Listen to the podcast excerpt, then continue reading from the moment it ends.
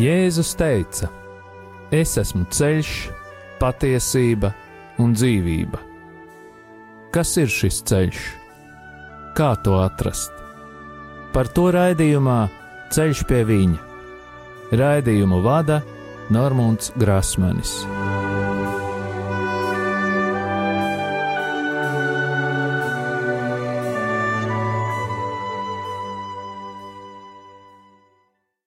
Lai ir slavēts Jēzus Kristus! Ir pienācis kārtējais piekdienas vakars, un atkal ēterā izskan raidījums Ceļš pie viņa. Pie radio pults esmu es, Normons Grasmanis. Vēlos atgādināt, ka raidījuma e-pasta adrese ir ceļš pie viņa at gmail.com. Esmu pateicīgs visiem tiem cilvēkiem, kuri atceras mani un arī pārējos radio Mariju darbiniekus, brīvprātīgos un ziedotājus savās lūkšanās. Vēlos pateikties katram klausītājam, kurš ar savām lūkšanām vai finansiālo ziedojumu atbalsta radio Mariju skanējumu ēterā. Lai Dievs bagātīgi svētī katru atbalstītāju un arī mūs visus kopumā.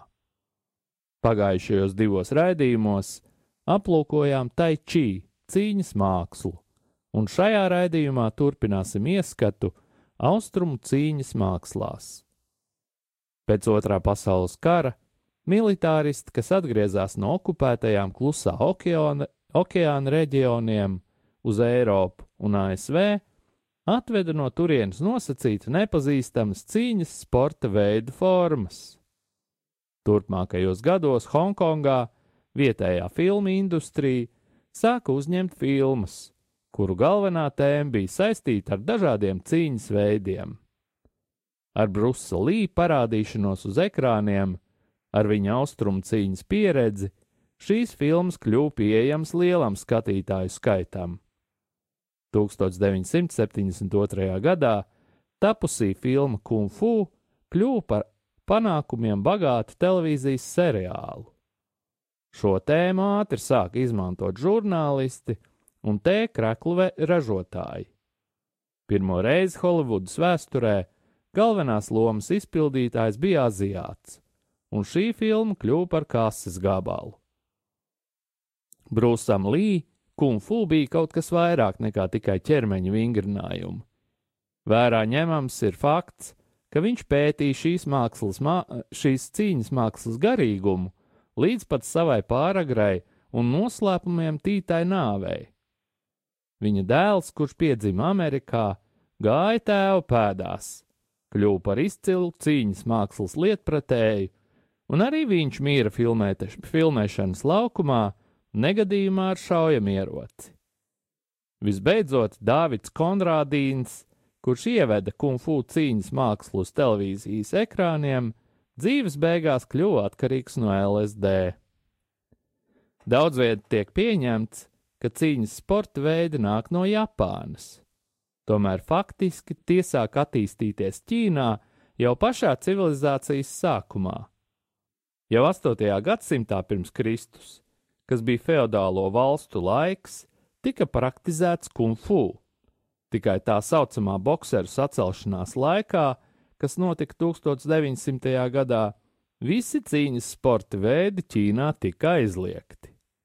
Kā redzam, tad cīņas veidu attīstība ir mērām gandrīz 3000 gadu garumā, kas ir ļoti liels laiks. Cīņas veidu atkal atzīšana Ķīnā parādījās 1928. gadā, gan slēpjoties aiz vārdiem cīņas māksla. Laikam ejot, ir attīstījušās dažādas cīņas formas, ar vairāk vai mazāk vardarbīgiem noliek, nolūkiem. Veidojās arī dažādas cīņas mākslu skolas. Šeit varam izšķirt tādas kā ziemeļu vai skarbā skola, un dienvidu vai maigā skola. Iesākumā kungfu bija visi cīņas sporta veidu apzīmējums. Vēlāk sāka izmantot konkrētus nosaukumus, dažādiem cīņas veidiem, tādiem kā aikido, judo, jiu-jitsu, karate un iepriekšējos raidījumos aplūkotais tai chi. Piemēram, Korejā kungfu ir pazīstams kā taekwondo. Kungfu filozofijas saknes meklējams samērā tālā laikā, pirms Kristus dzimšanas. Tās ir meklējamas Ching sistēmā, kas ir viena no zīmēšanas formām. Tā saucamais gudrais Lao Tzu, kurš ir dzimis 604. gadā pirms Kristus, savā mācībā Ching sistēmu atbalstīja un pat paplašināja, savā grāmatā to nodēvējot par Dao Ti Ching, jeb vienkārši Dao, kas ir ceļš. Viņš mācīja, ka glābšanu var saņemt nevis lūdzoties uz Dievu, bet gan meditējot uz dabu un to atdarinot. Tāpat kā koki lokās vējā un upes tek pa ceļu, kuram ir vismazākā pretestība, tā arī cilvēkiem ir jāpārņem šis ritms, dzīvojot līdzās ļaunumam. Līdz ar daoismu pieņemšanu kungfu attīstījās kā sarežģīta vingrinājuma sistēma, kas ietver sevī arī elpošanas vingrinājumus un meditāciju. Tā kā arī akupunktūra balstās uz mācību par čī, tā arī tiek uzskatīta par palīgu līdzekli veselības nodrošināšanā.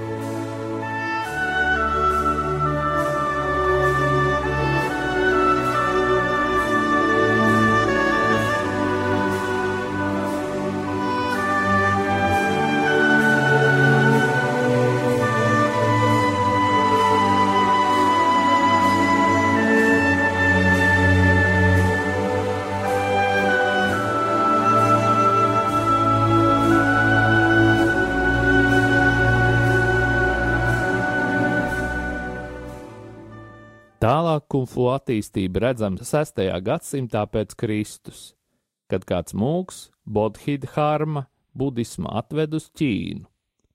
Kad viņš ieraudzīja, ka mūki viņa lekcijās aizmiega, viņš ievies kungfu vingrinājumus, tam bija jākļūst kā atbalstam meditācijās. Šie vingrinājumi vai tehnika tika nosaukta I-Ching sutura, un tie sasaistīja kungfu ar dzenbudismu idejām. Tā tika izveidota konkrēta aizstāvēšanās forma bez ieročiem. Šaoliņa temp tempļa mūki kļuva slaveni ar savu aizsardzības cīņas mākslu, kas tika izmantota, kad mūki tika apdraudēti svētceļojuma laikā. Tajā laikā izveidojās divas cīņas sporta skolas. Pirmā cēlusies no skarbā, jeb ārējā budismu skolas, otrā cēlusies no mērenās, maigās, jeb iekšējās daoismu skolas. Pēc tam, kad cīņas sporta veidi izgāja no klosteru sienām, sevišķi karu laikā, liela daļa reliģiskās nozīmes šajās cīņās tika pazaudētas. Tomēr līdz pat mūsdienām cīņas sporta veidos reliģiskos pamatprincipus var viegli atpazīt. Tiek izšķirtas sešas dažādas disciplīnas, kuras ir attīstījušās vairāku simtu gadu garumā. Tātad pirmā disciplīna mūsu aplūkotā ir tai chi, otrā kung fu, un nākošajos raidījumos mēs aplūkosim atlikušās disciplīnas - karate, aikido, jiu-jitsu un judo, un kā pēdējo - taekwondo.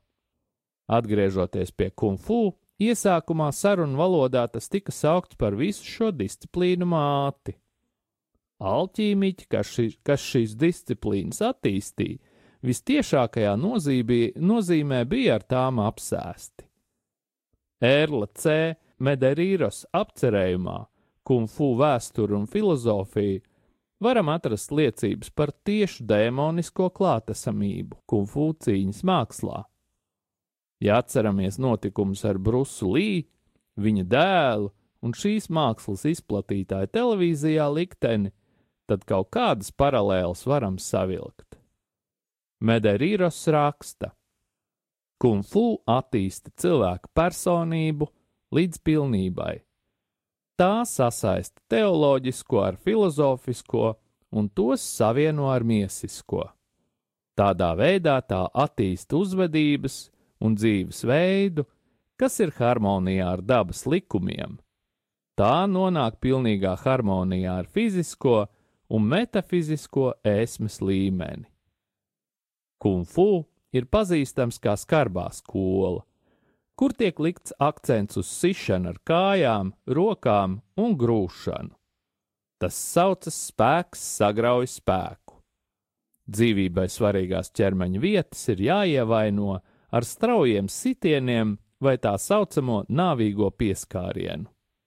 Šajās darbībās tiek izmantots pārdabiskais spēks, kas tiek uzskatīts par čī redzamo izpausmi. Kā redzam, tad šie cīņas veidi nav vienkārši pašaizsardzības vingrinājumi. Katra šī disciplīna ir mācība ar garīgu pamatu. Esmu dzirdējis tādu uzskatu, ka varbūt bērns ir jālaiž pulciņā, lai viņš iemācās pašais sargāties pret huligāniem. Jautājums nav vienkāršs. Vai šādas mākas mums dod spēju paļauties uz Dievu? Vai tad katrs mats uz mūsu galvas nav saskaitīts? Es bieži vien domāju par to robežu, kur ir mūsu atbildība spēja uzmanīties, spēja sevi aizsargāt. Mēs jau, protams, neesam tiesīgi par savu neizdarību vai slinkumu uzlikt atbildību dievam, taču jautājumā par cīņas mākslām, manuprāt, mums vajadzētu būt uzmanīgiem, jo tie nenes mieru. Pirmkārt, kur ir robeža starp sevis aizsargāšanu un kārtīgu sadošanu pausīm pārdarītājam, Otrakārt, tas garīgais fons, kurš viennozīmīgi nāk līdz ar cīņas garu, nav izslēdzams. Vai nav tā, ka spējot pašaizsargāties, cilvēks kaut kādā veidā pazaudē dievu un dieva autoritāti? Jautājums ir gana nopietns. Varbūt labāk ir iemācīt bērniem ātri skriet,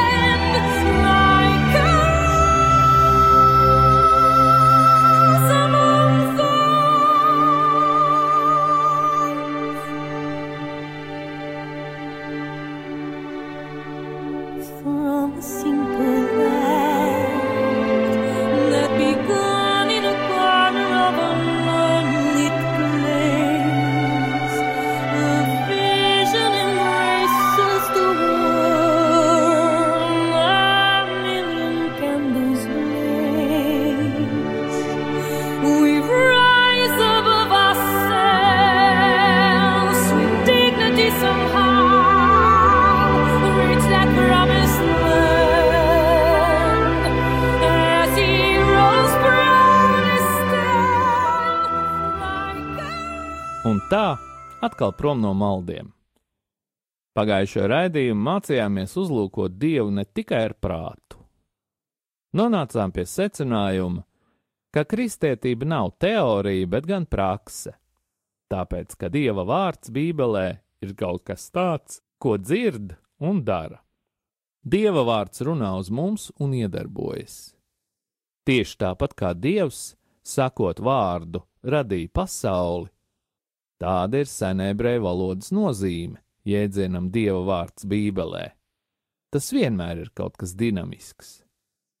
Tas ir kā atslēga. Dieva vārdu darīdams, tu ieeji jaunā dievišķā pasaulē. Ja tu to nedari, tad paliec iestidzis, kur esi. Ja tev kāds teiktu, lai aizej uz veikalu, kur katram dāvina automašīnu, vai tu šo ziņu tikai uzklausītu, vai arī iet un uz minēto veikalu? Ja aizies mašīnu, dabūsi. Nepietiek ar to, ka zini, tāda dāvana ir iespējama. Ja tu tam tiešām tici, tad ej, ja netici, nu tad paliec mājās, un tev nebūs jaunas mašīnas. Skumjākais mūsu baznīcās ir tas, ka daudzi visu uzklausa, taču lielākā daļa nedara to, ko dzirdējuši. Domā, cik skaisti, tāda skaista mūzika un tik skaists sprediķis. Tas viss, protams, ir labi. Ja sprediķis sastāv no dažādiem vārdiem, kas pasaka, kas tev darāms, un tu celies un ej un dari to, tad tas ir īsts sprediķis. Protams, sprediķis ir vajadzīgs, lai labāk saprastu Dievu vārdu, taču ar saprašanu vien ir par maz. Galvenais ir saprast, lai darītu. Tāpēc ir tik svarīgi, vai tu uzrakstīji sev vēstuli. Ja neesi uzrakstījis, tu vēl esi palicis vakardienā un nevari pāriet uz šodienu. Tev pietrūkst dažu nozīmīgu soļu. Otrais mājas darbs bija pirms gulēt iešanas runāt ar Jēzu un viņam kaut ko izstāstīt. Varbūt kādu joku. Vai tu to izdarīji? Ja nē, tu vēl aizvien esi vakardienā. Taču vakardiena jau sen ir pagājusi. Tu vairs neesi moderns. Jā, gan, tu esi atpalicis. Tāpēc, ka būt modernam nozīmē iet laikam līdzi.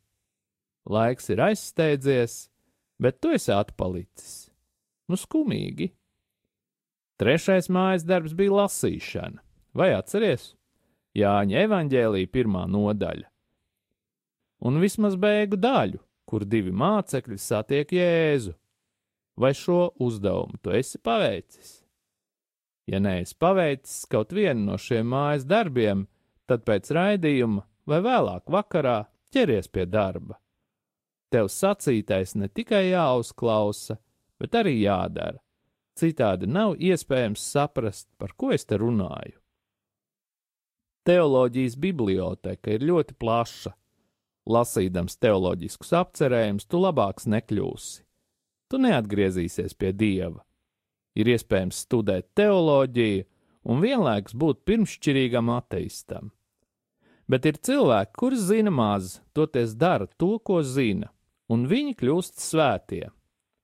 Protams, ir lieliski šīs abas puses savienot, aizvien vairāk studēt teoloģiju un aizvien vairāk to izdzīvot.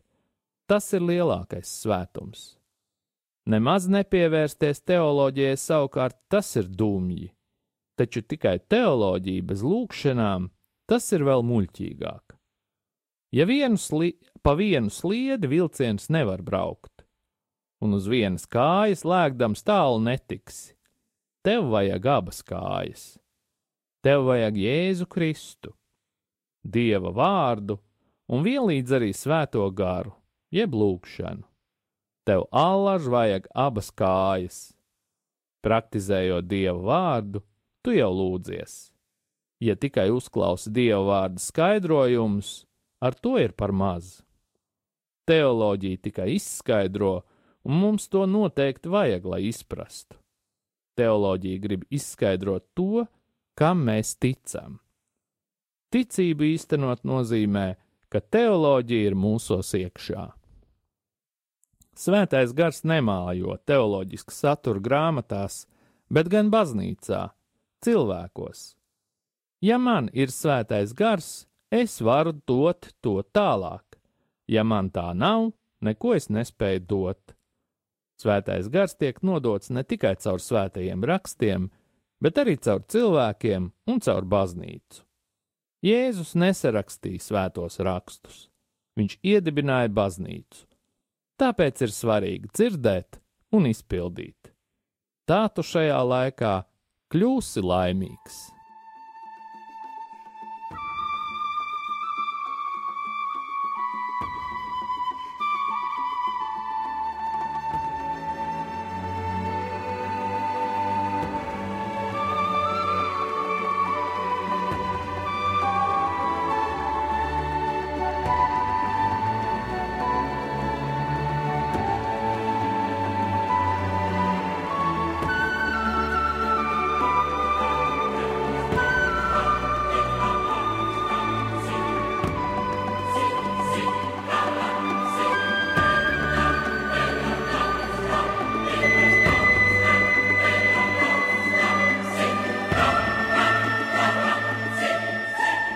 Es piedāvāju jums desmit ārstniecības līdzekļus no profesora Tomislava Ivančiča arsenāla.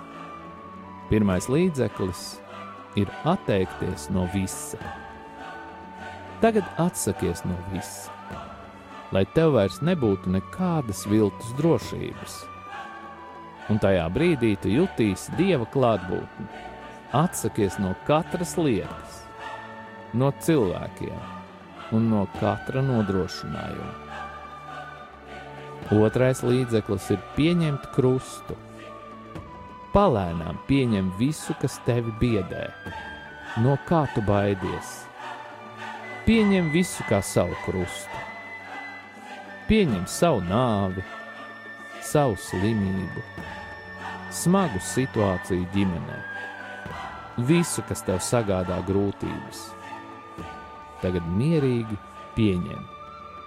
Vienkārši pasaki Jēzum, labi, Jēzu, es to pieņemu. Es pieņemu šo dzīvi. Pat ja nākamajā mirklī nomirtu, es to pieņemu. Pat ja zaudēšu itin visu, es to pieņemu. Pat ja zaudēšu darbu, es to pieņemu. Pat ja es zaudētu savu sievu vai vīru, es to pieņemu. Es pieņemu visu, lai kas ar mani notiktu. Jā, es spēju to pieņemt. Un tagad tu vari ieklausīties savā sirdī, izjust, kā atbrīvojas tavs sirds tā tu jūti, kā atnāk Dievs un sniedz tev simtkārt vairāk it visu, no kā esi atteicies. Tu neko nezaudēsi. Ticībā tu saņemsi visu. Tikai skaties uz Jēzu, līdz jūti, ka tev ir vieglums, brīvība un prieks kopā ar Dieva klātbūtni atteikšanās un sava krusta pieņemšana atver tevi dievam. Trešais līdzeklis ir Dievs mani mīl. Dievs ir tevi radījis. No viņa nāk viss, kas man ir. Viņš gribēja, lai es būtu. Dievs mani gribēja. Dievs mani ienesa pasaulē. Tu esi mans tēvs. Dievs mani ir veidojis. Dievs mani ir mīlējis jau kopš pirmsākumiem. Dievs mani mīl. Dievam es patīku, Viņš mani mīl. Viņš mani mīl. Viņš mani mīl. Un pasaki sev desmit vai vairāk reizes, viņš mani mīl. Tas atmodinās tevi uzticību. Ceturtais e, līdzeklis ir cilvēki mani mīl. Cilvēki mani patiešām mīl. Sirds dziļumos mani mīl ik viens cilvēks. Es varu būt drošs, sirds dziļumos visi cilvēki mani mīl. Es patīku cilvēkiem par spīti visam. Piektais līdzeklis ir atteikties no sevis žēlošanas. Piedod man, ka ļaujos sevis žēlošanai, ka vēlos tajā patvērties. Piedod šo žēlošanos, kungs, tāpēc, ka tā ir neusticība tev.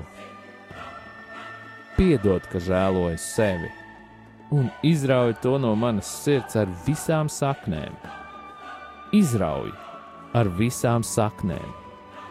Paldies! Sestais līdzeklis ir piedod citiem. Es piedodu citiem cilvēkiem.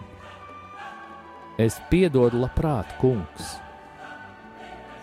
Es gribu piedot, tāpat kā tu esi piedevis man.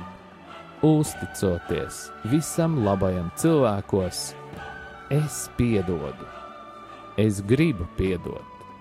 Es patiesi to gribu. Taču vienīgi tu vari darīt mani spējīgu piedot.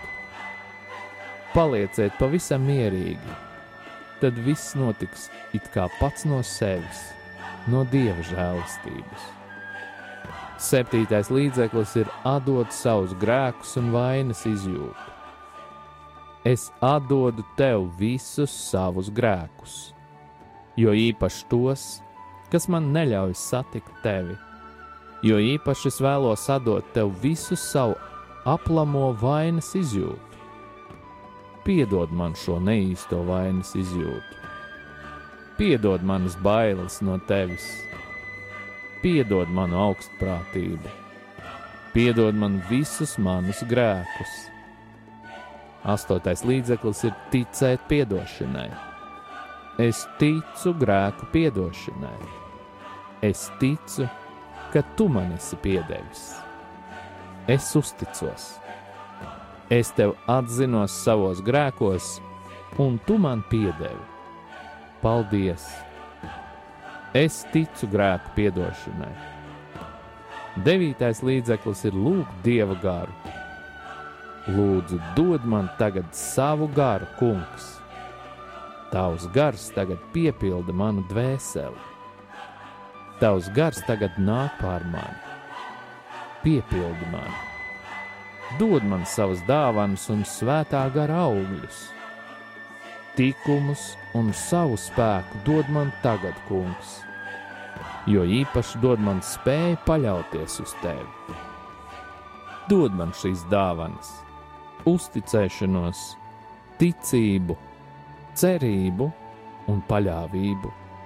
Un desmitais līdzeklis ir pateikties. Es tev pateicos, ak, kungs! Paldies par dzīvību! Paldies, ka tu mani vienmēr esi gribējis! Es tev pateicos, ka tu man visu esi piedevis. Es pateicos tev, ka tagad visus simtkārt saņemu no tevis Paldies! Paldies! Paldies tev! Un tagad saņemiet pāvesta Franciska svētību. Kungs Jēzus Kristus, lai ir pār mums, lai mūs svētītu, lai ir pie mums, lai mūs pavadītu, lai ir ar jums un mums, lai mūs aizsargātu, lai mūs svētī Dievs Tēvs un Dēls un Svētais Gars lai asins un ūdens, kas izplūda no Jēzus Kristus sirds, izplūst pār mums un lai šķīstī, atbrīvo un dziedina.